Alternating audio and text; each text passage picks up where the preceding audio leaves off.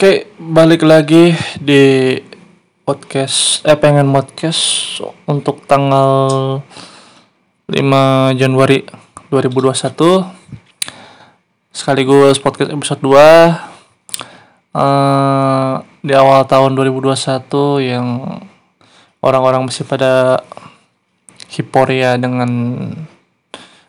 suasana tahun baru mungkin beberapa dari kalian masih mulai yang namanya beraktivitas seperti biasa ngantor berurusan dengan bos berurusan dengan atasan uh, ya kerja lah intinya. Terus ada juga yang masih nyari kerja dan barangkali ada juga yang masih mengikuti sidang skripsi. Ya pokoknya untuk kalian semua yang lagi dalam proses kegiatan apa pun semoga lancar dan nggak menyusahkan awal-awal tahun 2021 ini. Uh, katanya ini ya uh, untuk corona udah mulai ada titik terang ya di awal tahun ini. Vaksin udah mulai tersebar uh, dari pemerintah udah mulai uh, mencoba untuk menyebarkan vaksin mulai dari awal tahun ini yaitu mencoba dari vaksin Sinovac dari China. Tapi konon juga katanya dari pemerintah juga mulai uh, mengumpulkan vaksin-vaksin dari berbagai negara kayak vaksin dari Israel, eh bukan, vaksin dari US, dari British juga.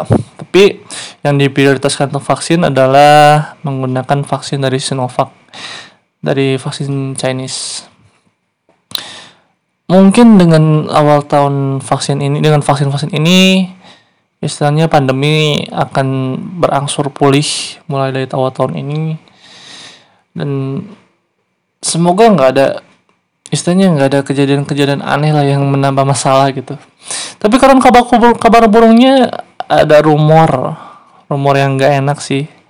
Katanya kalau vaksin covid ini ada empat varian. Gue pertama kali dengarnya udah kayak lah ini udah ada udah kayak paketan aja ada empat varian. Ngeri juga.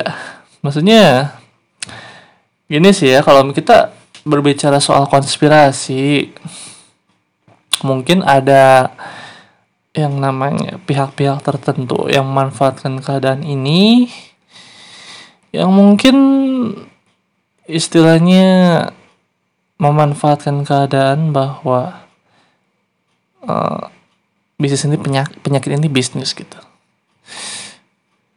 Gue berspekulasi ke sana dan entah kenapa ternyata dari warganet juga ada yang beberapa yang memang sependapat dengan hal ini gitu. Dari yang gue baca. Ada yang bilang bahwa katanya justru bisnis penyakit ini adalah bisnis yang menggiurkan katanya. Penyakit bisnis penyakit ini istilahnya bisa jadi ladang uang yang menyenangkan katanya ya entahlah. Tapi mudah-mudahan spekulasi ini nggak benar ya. Soalnya gue sampai sekarang masih belum menemukan bukti yang uh, apa istilahnya mengarah ke sana gitu. Gue masih belum menemukan bukti itu sampai sekarang gitu. Tapi gini ya sebenarnya 2020 itu memang tahun-tahun yang berat gitu bagi semua orang. Terutama yang mungkin kena PHK gitu karena akibat dari pandemi. Dan juga mungkin ada orang yang baru lulus di tahun itu dan lagi pengen cari kerja tapi nggak dapet karena keburu pandemi yang susah itu yang sulit. Beberapa perusahaan di tahun 2020 uh, eh, memang masih ada yang beberapa yang membuka lowongan pekerjaan. Tapi uh, istilahnya masih dalam jarak jauh gitu masih menggunakan sarana zoom uh, dan perekrutannya juga masih online gitu beberapa. Meskipun memang ada juga yang merekrut secara offline gitu. Tapi itu tadi bahwa uh, andai kata perusahaan memilih untuk melakukan interview online atau seleksi online gitu kalau kata gue emang kurang maksimal sih. Soalnya orang otak orang Indonesia itu keren banget lah istilahnya jeli gitu. Gimana cara melihat peluang terutama untuk analisasi online gitu ya. Ada cara-cara tertentu yang yang istilahnya taruh dalam tes psikologi gitu. Dia masih bisa cari jawaban di Google gitu biar sampai dengan cara yang nggak ketahuan gitu. Kan ada tuh seleksi yang yang katanya pakai webcam gitu sebagai salah salah diawasi gitu. Tapi tetap aja ada aja cara-cara tertentu gitu. Dan otak orang Indonesia itu nggak kehabisan akal untuk hal-hal tertentu. Untuk melakukan hal itu gitu. Ya nggak semua sih ya tapi kebanyakan yang gue tahu gitu. Nah intinya gitu lah uh, memang benar-benar kurang maksimal gitu. Terlebih gini uh, yang namanya uh, kalau misalkan kita datang secara offline gitu ya entah itu seleksi atau interview gitu kan. Setidaknya kita bisa dapat koneksi baru teman baru atau mungkin bahkan dari uh, gebetan atau pacar baru gitu. Dari uh, proses seleksi itu karena kita juga kan bisa kenalan gitu dengan kandidat yang lain yang kebetulan datang juga ke sana gitu. Tapi ketika online gini boro-boro orang pada pengennya ya udah ikut seleksi doang gitu fokus ke tujuan. Interaksi nggak ada pengen kenalan juga bingung gimana caranya. Lewat zoom online orang pengen kenalan lewat PM gitu kan aneh gitu ya. Maksudnya eh taruhlah lewat apa sih fitur dari direct message itu kadang-kadang orang suka teledor kan yang niatnya mau ngechat malah jadi everyone gitu. Mau ke chat satu orang ya everyone.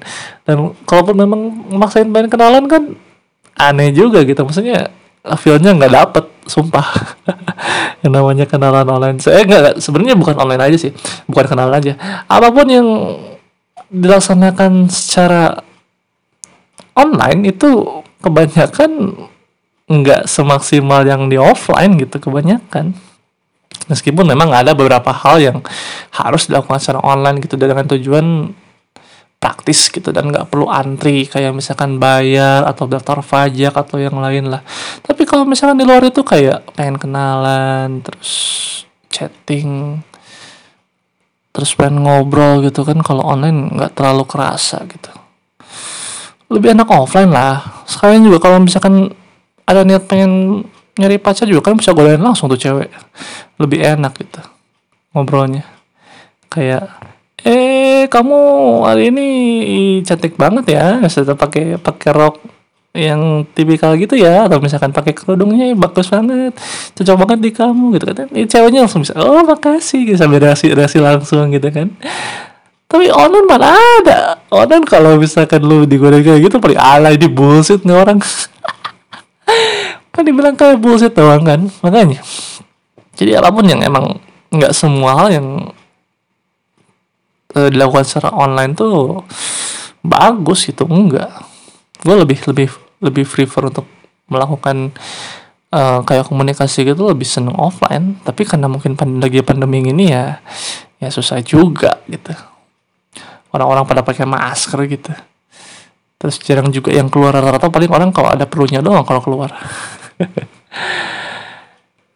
Ya jadi intinya adalah pandemi ini memang hampir menghancurkan segalanya sih termasuk beberapa planning yang udah gue bikin dari awal 2020 itu benar-benar gak kelaksana di tahun 2020 kemarin. Gara-gara April udah mulai pandemi katanya udah mulai benar-benar merebak di Indo. Kacau. Tapi ya kalau yang lagi ada eh, pas lagi pandemi kemarin mungkin ini kali ya kayak struggling gitu. Orang-orang pengen putus juga jadi punya alasan gitu karena oh, jarang ketemu lah atau misalkan gimana. Udah jarang yang awalnya sering berapa bulan sekali atau berapa minggu sekali sering mampir tapi semenjak pandemi jadi uh, ya sayang kayaknya kita harus putus deh gitu. Aku udah mulai mulai jenuh gitu dengan hubungan ini padahal emang gara-gara ketemu doang gitu ya makanya jadi beberapa dari pandemi kemarin mungkin ada yang putus juga. Gitu terus kalau gue baca ada yang namanya tingkat tingkat perceraian pada pandemi kemarin itu katanya tinggi. Termasuk tinggi itu di beberapa daerah. Kalau nggak salah gue baca itu di Kabupaten Bandung gitu. Itu sampai pengadilannya itu nut ngasih kuota gitu ngasih kuota perceraian gitu karena saking banyaknya perceraian yang ada gitu. Di pada saat pandemi kemarin. Pandemi ini memang sih ya hampir mengacaukan gitu. Mengacaukan berbagai hal. Lapangan kerja hubungan terus uh, apa lagi? Ekonomi sampai saham sempat benar-benar turun kan tuh di ASG benar-benar turun banget. Sampai merah gitu. Kalau nggak salah ya. Tapi intinya adalah itu semua sudah berlalu. Kita semua sudah survive sampai sekarang. Kalian yang masih dengar podcast ini itu adalah orang-orang hebat. Orang-orang yang nggak putus asa. Masih terus maju. Meskipun pandemi lagi melanda gitu karena gue juga sadar bahwa efek dari pandemi ini memang benar-benar serius gitu. Tenaga medis uh, ada yang berguguran terus orang-orang meninggal yang terinfeksi gitu. Beberapa orang meskipun uh, ada sebagian juga yang sembuh gitu. Tapi beberapa juga ada yang meninggal gitu. Ekonomi kacau aktivitas benar-benar terbatas. Itu semua sudah berlalu dan kalian yang masih survive sampai sekarang itu adalah orang-orang hebat. Orang-orang yang benar-benar peduli dengan kesehatan, orang-orang yang tahu bagaimana harus bertahan hidup. Survival of the fight, the fittest. Orang-orang yang benar-benar bertahan gitu. Ya, tepuk tangan untuk diri kita semua. Oke, okay, jadi yuk kita sudah tutup buku untuk tahun 2020 kemarin dan sekarang kita mulai coba untuk kembali membuka lembar baru di tahun 2021 ini dengan semangat baru dan harapan baru juga. Dan dengan mungkin masalah akan tetap ada gitu ya untuk untuk orang-orang untuk ya untuk setiap orang gitu. Tapi mudah-mudahan aja bahwa masalah yang datang adalah masalah yang baik gitu. Maksudnya dalam artian adalah masalah yang memberikan manfaat yang bisa diambil pelajarannya gitu. Kadang orang kalau lagi sial banget itu dapat masalah tapi masalahnya masalah yang buruk gitu. Yang cuma meninggalkan bekas luka, bekas batin, capek, capek batin, capek mental tapi nggak dapat hasil apa-apa cuman kayak kesia-siaan doang gitu. Harapannya adalah seseorang mendapat masalah yang baik itu bisa lebih menguatkan lagi. Dalam artian bahwa dengan masalah tersebut orang bisa lebih untuk apa ya istilahnya uh, mengasah diri gitu. Agar lebih siap untuk menghadapi masalah-masalah yang akan datang selanjutnya gitu karena ya masalah emang nggak bisa luput gitu dari kehidupan sehari-hari. Bahkan eh, orang terlahir aja itu sudah menimbulkan masalah gitu. Dalam artian adalah untuk orang tuanya mungkin harus sedia ya bermacam-macam hal gitu. Untuk uh, bidannya juga gitu harus bermasalah karena harus mempersiapkan ini dan itu gitu.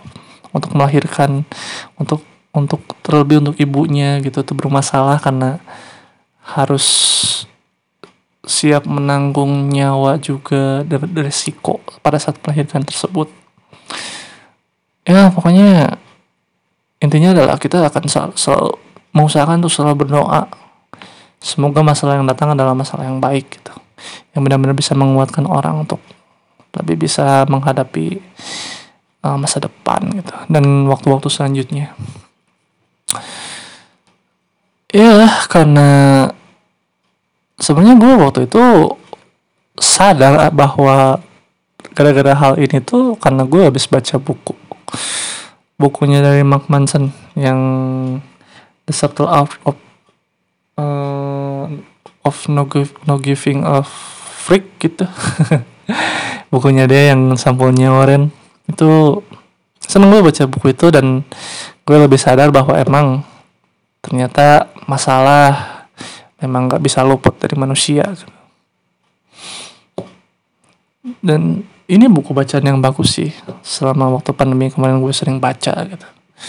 Buku buku buku kayak gini tuh kayak self improvement itu sangat cocok untuk gue baca terlebih saat pandemi kemarin karena gue lebih bisa untuk introspeksi diri membuka diri dan lebih lebih tahu ke depannya harus gimana gitu.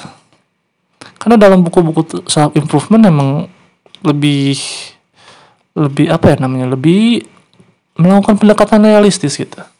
Pendekatan pendekatan pendekatan pendekatan yang lebih mendekati realita gitu. Dan itu bagus. Karena nggak semua orang suka dengan hal-hal yang berbau realita. Orang-orang lebih suka berbau ilusi yang dibungkus dengan motivasi tanpa harus tahu gitu realita di dalamnya kayak gimana. Orang lebih seneng uh, kebanyakan orang lebih seneng istilahnya mengemas hal-hal tertentu agar dibalut seperti sedemikian rupa yang memang benar-benar pengen mereka dengar gitu. Tanpa mau tahu kenyataan dan realitanya kayak gimana gitu. Karena orang nggak siap dengan hal dengan realita gitu dan itu yang memang sedikit disayangkan gitu. Padahal hidup nggak jauh-jauh dari dari realita gitu. Seperti halnya kayak orang-orang yang nggak bisa move on gitu. Mereka cenderung terjebak di masa lalu karena mereka lebih suka untuk terjebak dalam ilusi mereka dalam masa lalu dibandingkan mereka untuk mencoba melangkah melangkahkan kaki untuk terus maju gitu bahwa kehidupan belum berakhir meskipun hubungan udah putus gitu. Padahal ya ya mungkin gue ngerti lah yang namanya sakit hati putus cinta itu adalah sebuah risiko gitu itu adalah resiko dari orang-orang yang mau untuk menjalin hubungan itu. apalagi sudah menaruh investasi berupa perusahaan gitu di dalamnya. Tapi kehidupan belum berakhir. Maksudnya adalah ketika putus pun orang masih bisa tetap bernapas gitu. Orang masih bisa tetap melihat terus melakukan aktivitas kayak biasa. Yang mungkin karena ada yang hilang gitu ada yang rasa kosong ya oke okay lah kita untuk istilahnya bersedih sebentar gitu. Atau melamun sebentar gitu. Tapi yuk maksudnya kita angkat kaki angkat diri gitu. Langkahkan kaki. Mulai coba pelan-pelan jalan lagi gitu. Ibaratnya adalah kayak orang eh, kayak anak kecil umur lima tahun belajar main sepeda kan awalnya harus jatuh dulu gitu. Maksudnya adalah kalau memang jatuh itu apakah memang harus menyerah gitu? Kan belum tentu. Maksudnya adalah orang anak kecil yang jatuh pun kan dia berusaha bangkit lagi mencoba lagi gitu. menggunakan kalau misalkan masih terus jatuh menggunakan roda pembantu sampai akhirnya benar-benar ketika sudah bisa baru benar-benar bisa main sepeda gitu istilahnya adalah kita jangan kita harus berkaca diri gitu bahwa anak kecil juga bisa gitu untuk istilahnya mengayuhkan sepeda gitu meskipun awalnya harus sakit harus jatuh berkali-kali gitu. kita juga sama gitu maksudnya meskipun kita sudah putus kita sudah hubungan telah berakhir tapi bukan berarti kita harus tetap terjebak dalam hubungan dalam kenangan-kenangan itu gitu. kita masih bisa maju kok meskipun memang harus membawa luka tapi luka itu kita jadikan sebagai acuan untuk kita lebih bisa maju dan lebih siap untuk menghadapi hidup gitu. karena orang yang mampu membawa luka tidak akan terus berduka tapi akan terus memasang muka untuk terus men maju menuju jalan yang terbuka. Oke, segitu aja dulu ya kali. Eh, uh, sampai jumpa di podcast pengen podcast selanjutnya. Duh, gue selalu lupa. gue selalu lupa nama podcast gue sendiri. Udah lama sih. Jadi uh, sampai jumpa di pengen podcast selanjutnya.